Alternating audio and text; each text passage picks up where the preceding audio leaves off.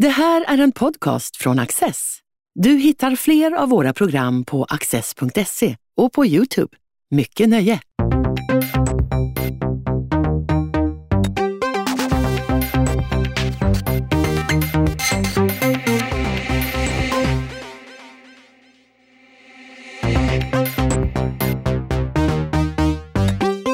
David Turfjell är religionshistoriker och professor i religionsvetenskap. I sin nya bok Granskogsfolk, hur naturen blev svenskarnas religion, ger sig Turfjäll i kast med svenskarnas kärlek till skogen. Vad Turfjäll finner är att skogen har blivit en plats för svenskens privatreligiositet. Men präglas samtidigt av vår samtids individualistiska världsåskådning.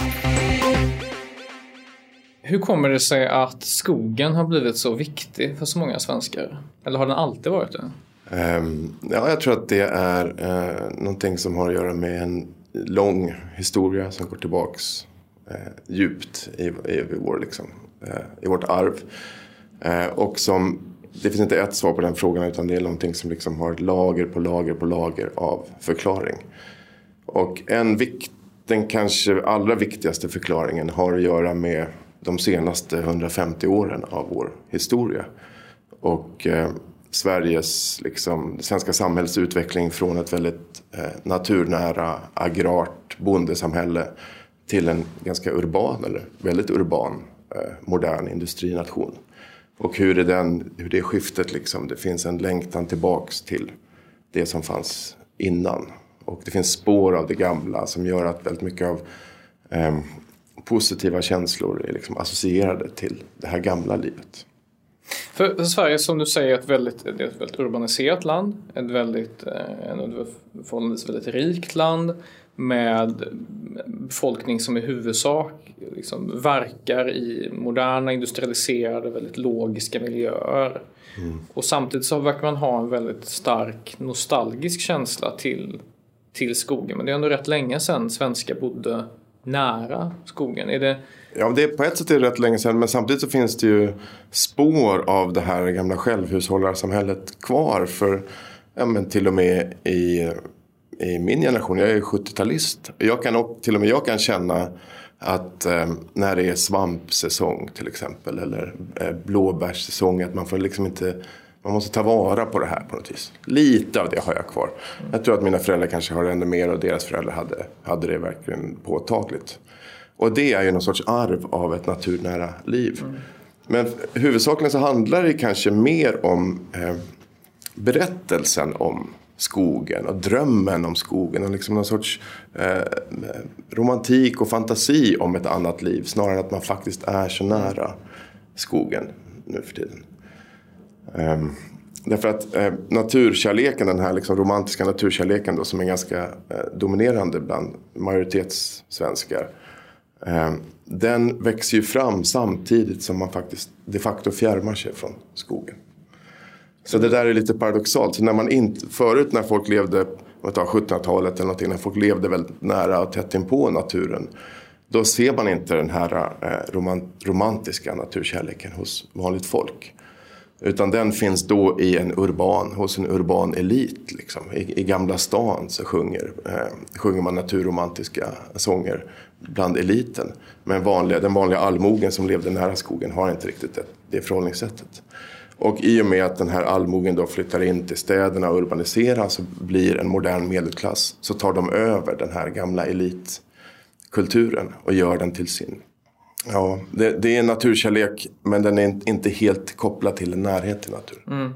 Det är först med distansen till naturen som man börjar få de här romantiska känslorna. Men vad, vad är det som händer då? Vad är det människor börjar sakna?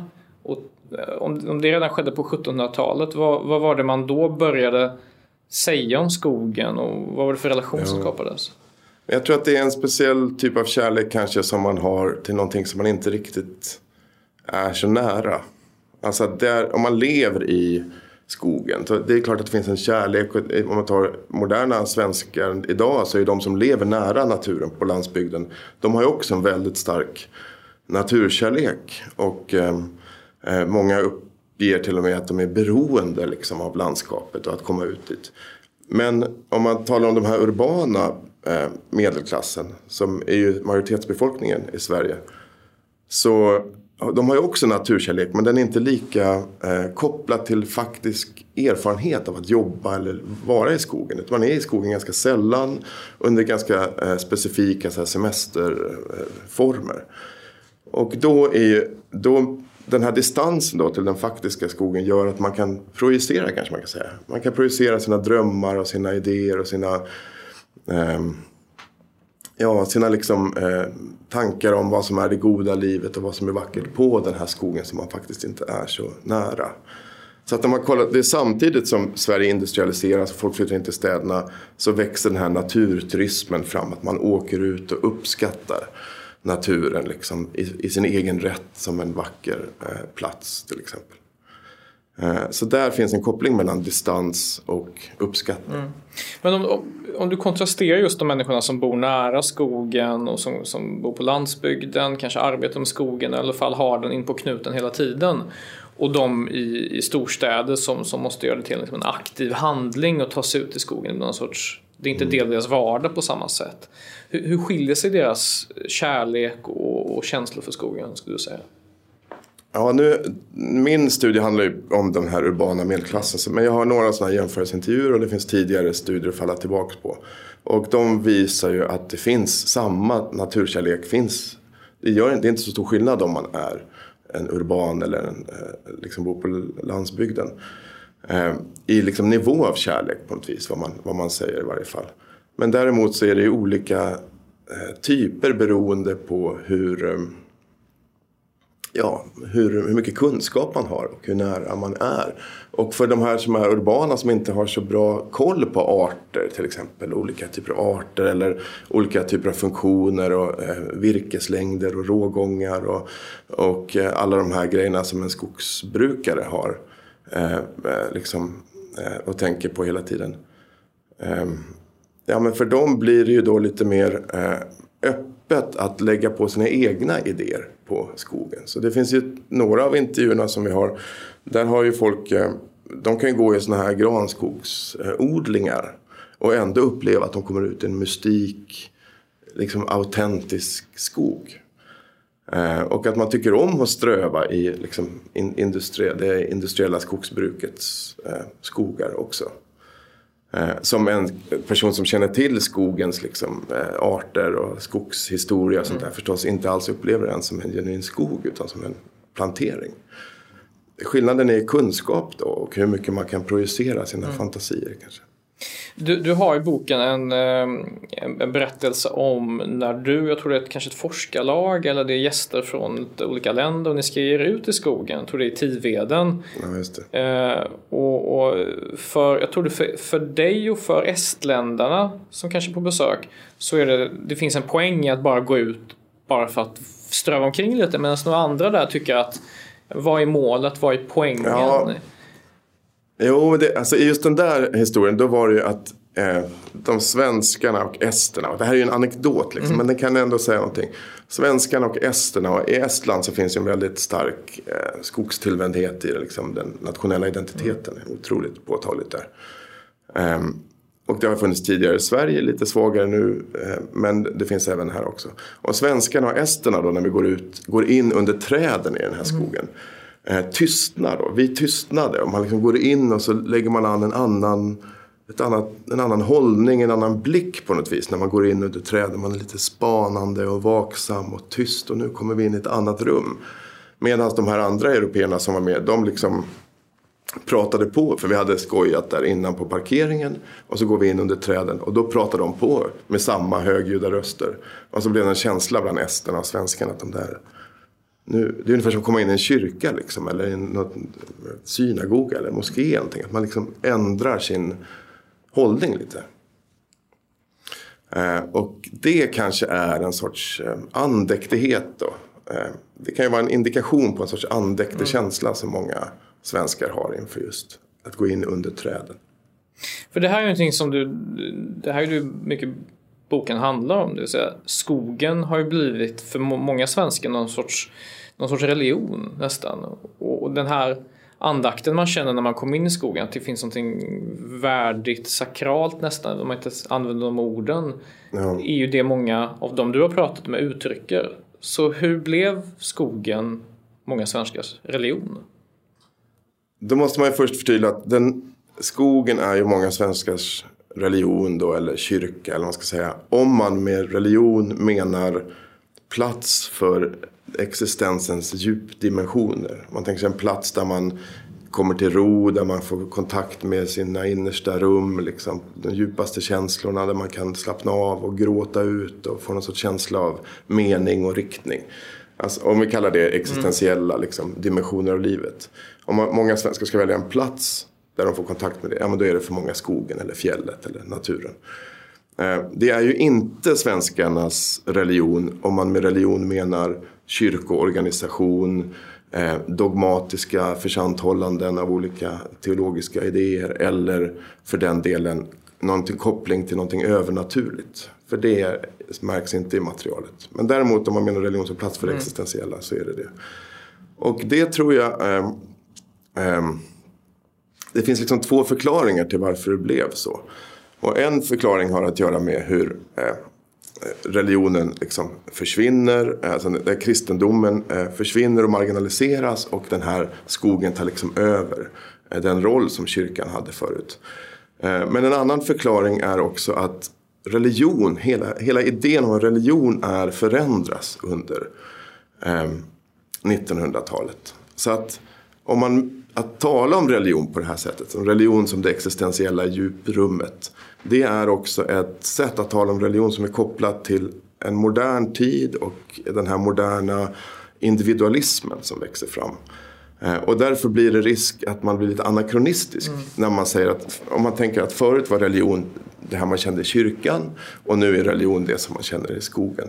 Det finns en risk att bli anakronistisk därför att om vi tänker oss en svensk allmogebonde på, på 1800-talet som går i kyrkan, kanske går i julottan då varje år. Eh, då är det nog eh, inte korrekt att tänka att han gör det för att han känner så otroligt mycket känsla. Eller han gör ett, ett personligt val att åka och känna, få den här upplevelsen i kyrkan. Det handlade inte om det. Utan kristendomen på den tiden var eh, ett ramverk för hela samhället. Kristendomen skötte skola och vård och omsorg och samhällsadministration. Och, en, och även de här ritualerna liksom, och livsriterna. Och att vara kristen det var bara att gå dit och gör det här. För det är din roll, det är din lott i livet. Du har fått din lott, din börd och din ålder och ditt kön ger dig en roll. Och du ska bara göra det. Och en del av det kan vara att ta familjen till julottan. Um, men vad som händer under 1900-talet är ju att den här eh, den liksom kollektiva eh, inordnade systemet som fanns tidigare eh, bryts sönder till förmån för en individualistisk kultur. Och en del av individualismen är just att varje individ börjar känna efter. Om man tänker till exempel vad konsumtion handlar om. Att konsumera som växer fram under 1900-talet. Jo, det handlar om att känna efter inför någonting. Man ställs inför ett skyltfönster, man ser tre olika kavajer eh, och man ska känna efter vilken tycker jag är finast. Liksom. Det där, är det där min stil? Gillar jag prickigt eller rutigt eller randigt? Och sen så känner man efter och så gör man ett val efter det. Och samma liksom känna efter-kultur, individualistiska kultur påverkar ju till exempel framväxten av Eh, finkultur, av litteratur och konst och av eh, umgängeskulturen där man börjar välja sina preferenser, känna efter, identifiera sina preferenser och gå efter dem. Och den individualistiska känna efter-kulturen kommer sen också att förändra religionens roll i Sverige och i andra länder under 1900-talet. Och då får man tänka sig någon som sitter på 50-talet eller 60-talet eller 70-talet i julottan eller i samma kyrka som man har suttit i alla år. Eh, och som ens föräldrar har suttit innan en själv och så här bakåt. Och så sitter man där och sen känner man plötsligt så här, men jag tycker inte att det här är det ger inte mig någonting. Jag tycker det är tråkigt det här, de här sångerna, vad vi ska göra. Jag vill hellre vara hemma och påta i trädgården. Då innebär inte det att alla tidigare tyckte att det var roligt. Utan det innebär också kanske snarare att man börjar ta sitt, egen, sitt eget inre liv på allvar på något vis och agera på det. Och den liksom känna efter-kulturen, eller man kan säga konsumtionsblicken då om man vill använda det ordet Den kommer också att påverka inte bara kultur och poesi och litteratur och kyrkan och religionens roll utan även naturen. För att samma liksom konsumtionsblick får man då på skogen. Där man åker ut till en skog och man tittar på ett landskap och man känner någonting. Liksom. Så att hela den här grejen att vi känner efter och upplever skogen är den plats där vi kan känna och få kontakt med vårt inre är också ett resultat av den här individualiseringen av kulturen. Eh, och det gör att om man frågar varför blev naturen svenskarnas religion? Ja, det är för att eh, dels för att kyrkan marginaliserades men det är också för att eh, religion kom att kopplas an till det här, att känna efter. Och skogen hakade på i den utvecklingen. Och, och det som flera av de personer du pratar med, de uttrycker någon sorts att skogen den är inte planerad, det är någonting oförfalskat, autentiskt och genuint, nästan ordlöst. Att de, de ja. väljer någon sorts, ja det är sorts, nästan lite zenbuddhistiskt tomrum som är... Ja. ja, det är två, alltså det, det här autentiska är ju ett tydligt spår. Att man upplever att man vill eh, det finns en sorts eh, modernitetskritik i många av dem som vi har intervjuats. Berättelser om skogen. Alltså att man tycker att det här hetsiga, stressiga storstadslivet där man sitter och rullar Facebook och, och hetsar mellan olika eh, sammanhang. Att det finns något förljuget och eh, människofientligt i det på något vis. Eh, och så upplever man då att skogen är eh, en kontrast till det där och står för någonting som är på riktigt om man går tre timmar en promenad i skogen så upplever man aldrig det som bortkastad tid. Även om man bara sitter och tittar så upplever man inte det som bortkastad tid. Medan däremot att titta, sitta och titta på sociala medier i tre timmar kan kännas i en sorts tomhetskänsla. Liksom. Ehm, så det finns det här autentiska. Och det ehm, tror jag, åtminstone delvis, är ett arv av just ehm, det tidiga 1900-talets Alltså många av de stämningar som fanns i den tidiga, moderni, alltså tidiga industrialiseringens tid. När man liksom eh, lämnade ett bonde, eh, bondekulturen och så blev man eh, urban och industrialiserad. Och längtade tillbaks till en romantiserad version av det som man hade lämnat. Och då kan man ju se i tidiga 1900-talet att det här är någonting som dyker upp i massa olika ideologier. Och inte minst då i eh, fascistoida eh, nationalistiska liksom, traditioner som eh, inom nazismen till exempel. Där just den här hemland, längtan tillbaks till det genuina, liksom, mm. blodet och jorden, känslan var ju en, ett motiv som var väldigt dominerande. Men det finns också i andra ideologier och, en, och en, i andra tappningar liksom samma stämning. Och en tappning är ju den här svenska folkhemsnaturvurmen som ja, är besläktad men annorlunda. Men samtidigt så de här människorna, i vissa fall så artikulerar de du pratar med, de artikulerar väldigt, de är väldigt vältaliga, vissa av dem. Ja, det får man säga. Men i vissa fall så är det som att de, de nästan inte vill, de kanske kan ana varför de känner det här, men de vill inte använda ord för att beskriva det. Det är så viktigt för mm. dem. De verkar rörda av att, av, av, att tänka på skogen rent av. Det är en ja. sorts andlig känsla som de, de inte använder ord. Jag tror att någon till och med, du pratar med någon man säger att om jag talar om det så bryts förtrollningen. Ja, det är den stämningen. man vill inte prata sönder det här. Och, eh, och då kan man fråga sig, hur kommer sig då att man inte vill varför, varför pratar man sönder? Eller vad, vad handlar den här tystnaden mm. om? Eh, och då har jag ett kapitel som handlar om det där som har olika, eh, olika försök till att förklara det. Eh, men en, och en sak har ju, en förklaring är ju att språket faktiskt plattar ut. Alltså, det är en sorts psykologisk förklaring som vi har där. Alltså, när vi, språket är ju någonting som vi har för att kommunicera. Det bygger på olika förenklade kategorier om verkligheten som vi använder för att kunna kommunicera sinsemellan. Och det är väldigt viktigt för människor. Eh, men samtidigt är det så att det de facto plattar ut erfarenheterna. Ett exempel man kan ta där är då erfarenheten av ett träd, då rent psykologiskt. Om man tänker sig ett litet barn som upplever ett träd, ett barn som inte har språket. Då kommer ju trädet vara eh, det kommer vara ljudet av, eh, av vinden som rasslar i löven. Det kommer vara smaken av, av bark eller eh, liksom löv som man tuggar på. Mm. Känslan av bark. Det kommer vara minnen till föräldrarna som man var och lekte vid trädet. Det är en otroligt rik upplevelse, mångbottnad och mångfacetterad upplevelse detta träd. Och när sen det här barnet lär sig ordet träd då kommer rent kognitivt då, eh, upplevelsen av ett träd att plattas ut till en dimension. Mm. Och man kommer se framför sig ett stiliserat visuellt träd. Eh, förmodligen om jag säger träd så får man upp i huvudet en bild av ett, liksom, ett stiliserat träd. Och då försvinner ju alla de andra dimensionerna. Mm. Doften av bark liksom, försvinner. Eh, och så plattar man ut. Så när vi säger träd så har vi liksom förstört mm. trädet lite. Och det är väl samma med den här typen av upplevelser. Att när vi sätter ord på dem så plattar vi ut dem. Och det där är ju den, en känsla som gör att man liksom inte vill göra det. Då. Mm. Man vill inte prata sönder. Eh, samtidigt som de ord då, som, och det är en annan förklaring, att de gamla orden som fanns för den här typen av eh, multimodala, komplicerade och liksom mångbottnade upplevelser. Eh, det var ju det kristna språket för många. Alltså att ord som nåd och helig och gudomligt och sånt där. Eh, det var ju ord som på något vis i sig själv bär med sig den här att nu är vi, nu är vi på någon sorts överväxel i upplevelsen där det är, helt, det är mysteriöst och obegripligt. Och eftersom sekulariseringen har gjort att de orden på något vis har känns väldigt obekväma för många.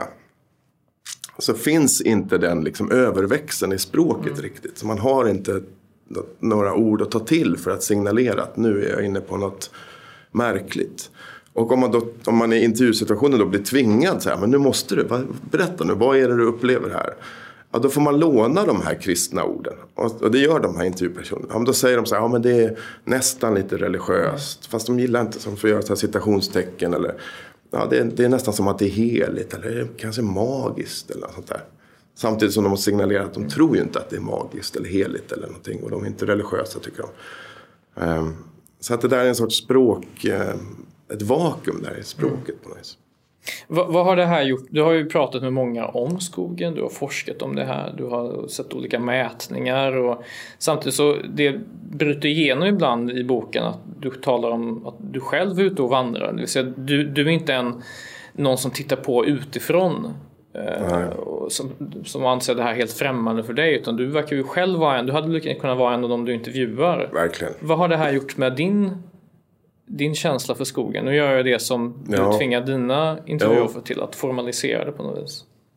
Jo men det är klart att det, när man liksom försöker göra en sån här historisk och psykologisk och analys av människors upplevelser och ganska djupa personliga upplevelser. Det är klart att det, är platt, det blir ju lite precis som när man sätter det här trädordet på trädet. Att det blir ju en sorts avförtrollning då. Och det har väl varit lite avförtrollande för mig också. Att eh, få syn på liksom, varför jag själv då reagerar och tänker och känner som jag gör eh, inför skogen. Eh, men samtidigt så ah, för, det fördjupar också. Det, det, en, en sak är att det, att det liksom avförtrollar men en annan sak är faktiskt att det fördjupar. Och jag har ju också eh, pratat med en massa andra människor som känner liknande som jag. Då får man ju någon sorts känsla av eh, samhörighet. Och eh, jag har läst massa, eh, det är ganska mycket så här naturlyrik med den här boken som också liksom ger uttrycker och sätter ord och formulerar tankar kring de här upplevelserna som också förstärker och fördjupar dem. Men en sak kan jag väl säga och det är att jag upplever mig inte längre som så unik som jag gjorde tidigare. Och det tror jag många Eh, jag har fått den reaktionen från några som har läst boken också. Att man, ehm, eftersom det är kopplat till det här individualistiska så är det många som känner att deras egen skogsrelation är väldigt unik och det är deras privata inre rum. Och så kommer den här boken och har 72 intervjuer där alla säger ungefär samma sak. Och det blir lite så här, men det här var ju mitt, mitt privata. Um, så på ett sätt får man ju syn på att man är en del av en kultur då kanske på ett annat sätt än man hade. Eh, I sitt, eftersom man är individualist så hade man ju gärna sett att man var helt unik. Eh, men det, kanske man, det är man kanske inte när det gäller det här. Så vi är rätt många i den, den ordlösa individualistiska skogskyrkan då? Ja, vi är rätt många där. Och då ska jag, jag måste också säga på det här med kyrkan att det här är ju inte någonting, den här naturromantiken, natur, naturandligheten och det här. Det är inte någonting som bara finns utanför organiserad religion. Det är, också en viktig insikt som jag gjorde under arbetet med det här. Att eh, kristna, alltså bekännande kristna i Sverige har lika mycket eller mer av det här än sekulariserade personer. Så att den här, det här kulturella särdraget då, det går igen över religionsgränserna. Mm. David Thurfjell, tack så mycket för det här samtalet. Tack.